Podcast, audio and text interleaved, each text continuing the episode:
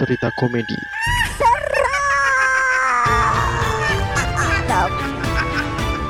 Ini adalah kelanjutan cerita dari episode sebelumnya, yang di mana sebelumnya Marni yang terjebak di mobil karena jalan penuh lumpur, lalu datangnya bayangan hitam seperti badai menerjang mobil Marni yang ada di dalamnya. Kemudian datanglah seseorang yang menolong mereka dan ternyata itu adalah pedagang yang ada di pasar tadi. Setelah sampai depan rumah gitu kan, karena diantar oleh uh, pedagang gitu ya. Ternyata Broto atau suami si Marni gitu ya, sudah ada di depan rumah gitu. Yang khawatir karena seharian Marni belum pulang gitu. Seperti tak bisa berkata-kata gitu, Marni langsung memeluk Broto, kemudian menangis dan si Marni pun menjelaskan semua kejadian tadi kepada Broto. Setelah itu Marni pun juga memperkenalkan pedagang yang di pasar tadi karena si Marni juga belum tahu gitu si pedagang ini namanya siapa karena selama perjalanan si Marni ini hanya bengong aja gitu karena masih terkejut dan masih shock. Perkenalkan, saya Pandoyo. Saya adalah seorang penjual di pasar tadi dan kebetulan bertemu dengan istri Anda. Saya Broto. Terima kasih Pak Pandoyo sudah mengantarkan Marni sampai ke rumah. Saya tidak tahu harus bilang apa lagi jika tidak ada jenengan. Iya Mas Broto, gak apa-apa.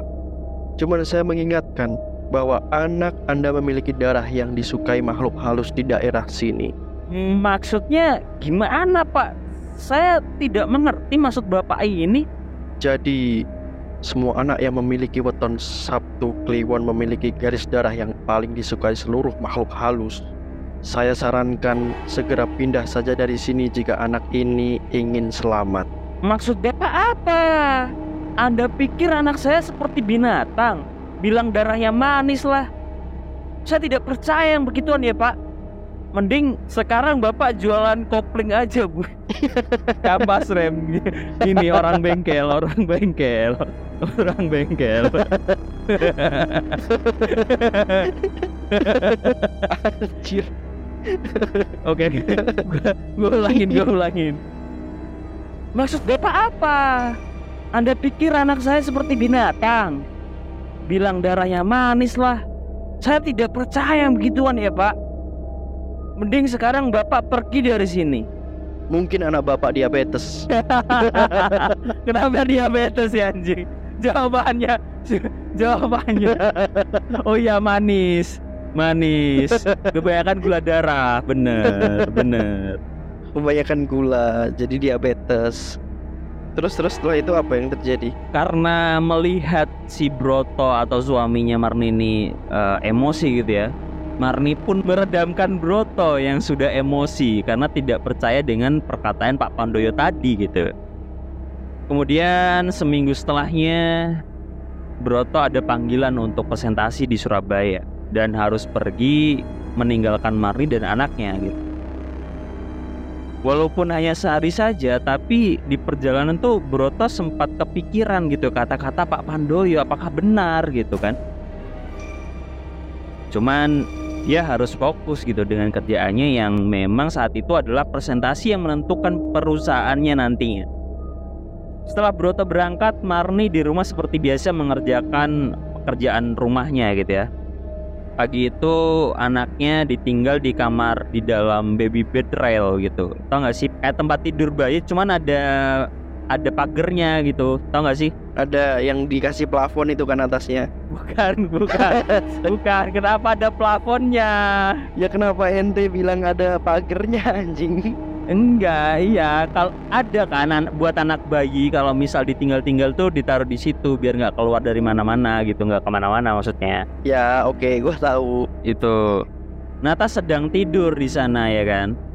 Kemudian Marni meninggalkannya untuk mencuci baju gitu. Tempat cucian baju berada di lantai dua, sedangkan untuk menjemur terdapat balkon yang cukup luas, tapi nggak ada pagar waktu itu belum belum sempet dipagar gitu ya. Dan itu juga masih di lantai dua. Setelah mencuci gitu ya kemudian Marni pun menjemur pakaiannya dan ketika melihat ke arah balkon Marni ini melihat Natas yang merangkak di pinggir balkon gitu ya. Tiba-tiba kok bisa ada si Natas di situ gitu ya. Si Marni ini heran gitu ya. Oke. Sontak Marni langsung menjatuhkan keranjang jemurannya dan beralih untuk menyelamatkan Natas gitu ya. Namun naas gitu ya. Naas namun naas Natas terjatuh dari balkon sebelum diselamatkan Marni. Astagfirullahaladzim. Innalillahi warjiun harusnya. Mari kita sebelum melanjutkan cerita kita uh, membacakan Al-Fatihah terlebih dahulu ya. Gak. Al-Fatihah mulai. Bismillahirrahmanirrahim. Oke, lanjut. Ini kan cerita, ceritanya. Ya nggak apa-apa. Kenapa, kenapa jadi syukuran? Nggak apa-apa. Kenapa?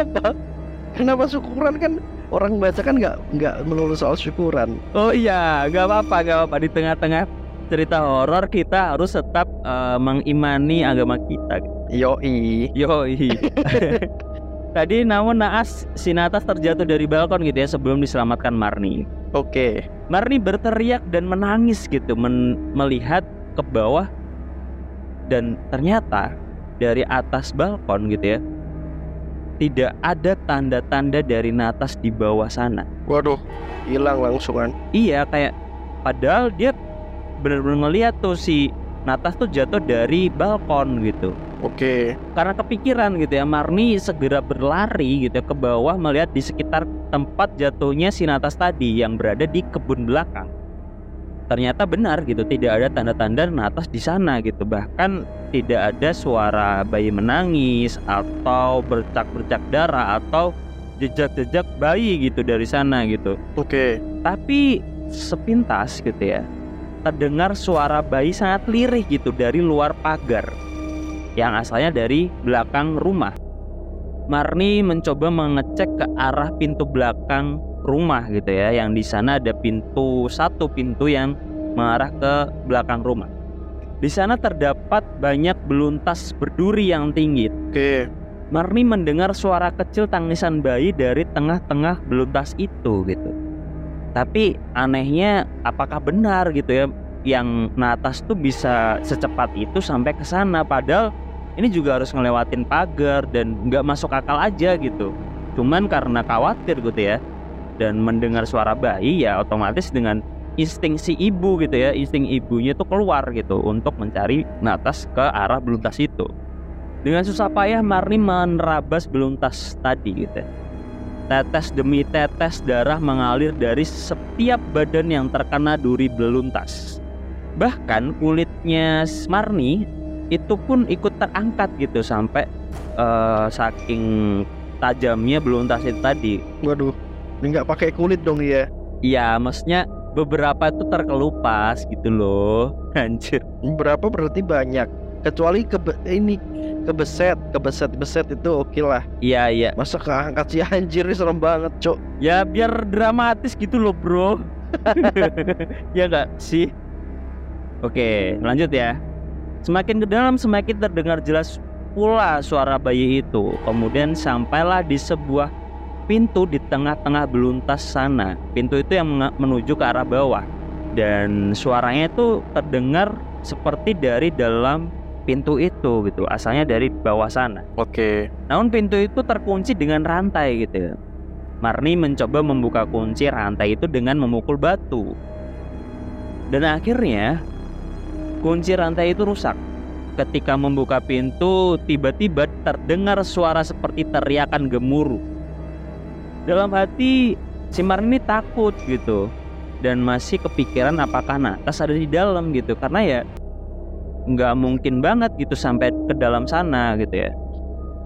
Cuman karena pikirannya aneh gitu ya, ya karena kemarin sempat dikasih tahu oleh Pak Pandoyok dengan kejadian-kejadian yang aneh di sana ya ini mungkin saja gitu. Tiba-tiba dari arah belakang gitu ya datanglah seseorang yang memegang pundak Marni. Jangan masuk. Pak Pandoyo, loh kok bisa sampai sini? Iya, tadi saya mencari Ceyodian micet saya belum ketemu. Udah micet di tengah beluntas. ya kan butuh, butuh bro, butuh bro. Iya bener. Main di tengah kebun ya. Ayo keluar dulu, nanti saya jelaskan. Mereka pun keluar dari belantara beluntas dan Pak Pandoya membuka jalan. sa- saya tadi kehilangan anak saya pak Ta- tadi tuh dia jatuh dari balkon lantai dua dan tiba-tiba tidak ada sama sekali gitu pas saya cari ke bawah gitu. Tidak ada tanda-tanda juga dari anak saya. Lalu terdengarlah suara dari arah pintu bawah bawah pintu itu tadi. Itu semua hanya tipu muslihat untuk menyingkirkan kamu dari anakmu. Sebenarnya anakmu adalah aku. anaknya udah tua. Anaknya udah aki-aki bener. Kenapa tuh Plot twist bro, plot twist bro, plot twist. anjir. Gua gak nyangka anjir. Gila. Si bangke. Si bangke. Itu semuanya tipu muslihat. Untuk menyingkirkan kamu dari anakmu. Sebenarnya anakmu ada di dalam rumah tertidur dalam kamarnya. jadi anak saya masih di dalam. Lalu itu tadi apa? Dan kenapa bapak bisa ada di sini? Karena tadi saya kebetulan lagi mencari burung di dekat sini. Dan melihat Mbak Marni masuk ke sini, makanya saya buru-buru buat menyegat untuk tidak masuk ke dalam situ. memangnya itu tempat apa pak? Itu adalah tempat untuk menahan dan mengurung buruh yang dulu kerja di perkebunan sini. Dan banyak kejadian sadis juga di sana. Makanya itu tempat sengaja dibiarkan tidak dibersihkan supaya orang tidak bisa masuk ke sana. Kemudian saat kembali ke rumah Marni pun langsung menuju kamar gitu ya, kamar anaknya tadi. Dan ternyata benar gitu. Ditemani Pak Pandoyo enggak? Itu sama Pak Pandoyo. Waduh, Apa? Apa? cerita nih. Enggak, enggak ada, enggak ada cerita-cerita kayak gitu. Gua lurusin di sini. Gua dari awal udah lurusin. Enggak ada. Gua tahu otak-otak antum. Pak Pandoyo bukan anaknya jadinya. Anjir. Oke, gua lanjut ya. Dan ternyata benar gitu apa yang dikatakan Pak Pondoyo gitu. Marni sangat lega gitu. Ternyata anaknya baik-baik saja. Setelah terharu gitu ya. Marni melihat wajah Pak Pandoyo yang sepertinya aneh gitu. Ada sebuah tai lalat di bagian bawah bibir sebelah kanannya. Bau banget pasti itu tai itu.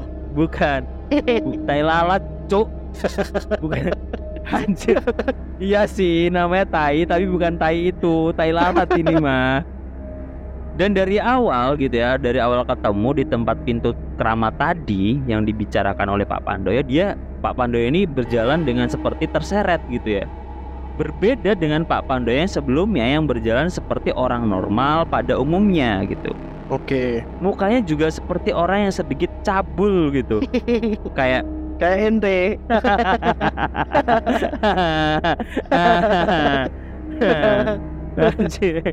Dia kayak melet-melet gitu. gitu loh. Tapi serius ini bener-bener mukanya memang terlihat cabul gitu. Tiba-tiba natas yang dipegang oleh Marni direbut oleh Pak Pondo, Pak Pandoyo dengan paksa dan menendang bagian perut Marni. Waduh. Kalau gua tuh perut gua elus dulu sih. Anjir, anjir. Enggak, ini enggak ada cerita-cerita gituannya. Ini full cerita horor ya kan. Enggak ada cerita mesumnya anjing. Anjing bang ke sini. Tak tega diperebutkan gitu ya, Marni pun melepaskan anaknya. Kemudian Pak Pandoyo kabur keluar lewat pintu belakang.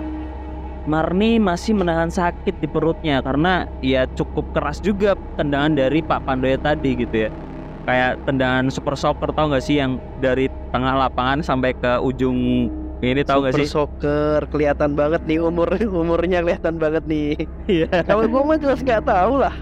Gua nggak tahu, gua kan masih iya gua masih 2000-an mah nggak tahu, Cuk. ah si anjing bangsa. ah, tai lu. Karena menahan rasa sakitnya itu tadi gitu ya. Kemarin ini masih meronta-ronta gitu untuk jalan ke arah belakang.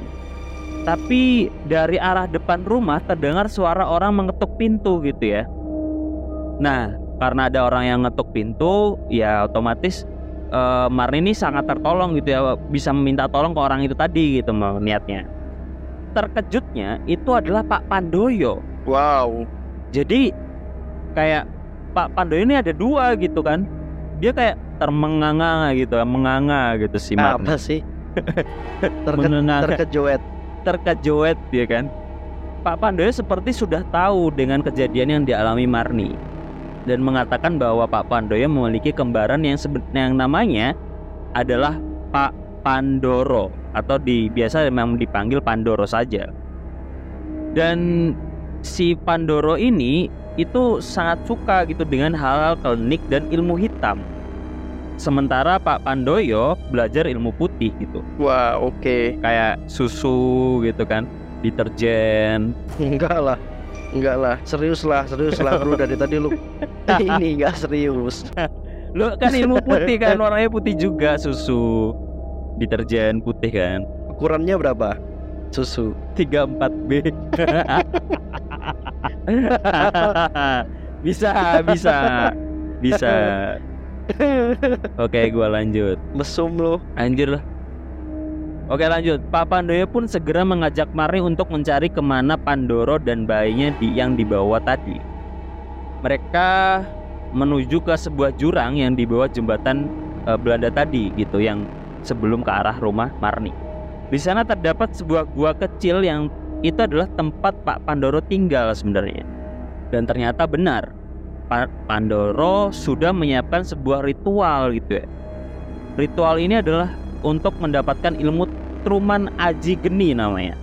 Jadi namanya Truman ilmu Truman Aji Geni Oke. yang digunakan untuk memimpin pasukan jin yang ada di daerah sini. Ketika ketahuan dengan kedatangan Pak Pandoyo dan Marni, Pandoro pun masuk ke dalam gua. Pak Pandoyo dan Marni pun ikut mengajar gitu ya. Oke. Di dalam gua itu itu penuh bau dengan menyan gitu di awal-awal masuk gitu ya. Seperti ada yang di rumah Mari itu. Jadi mungkin si menyan ini ya yang ngasih itu si Pandoro tadi itu gitu. Yang setiap hari ada menyan tadi di di rumahnya.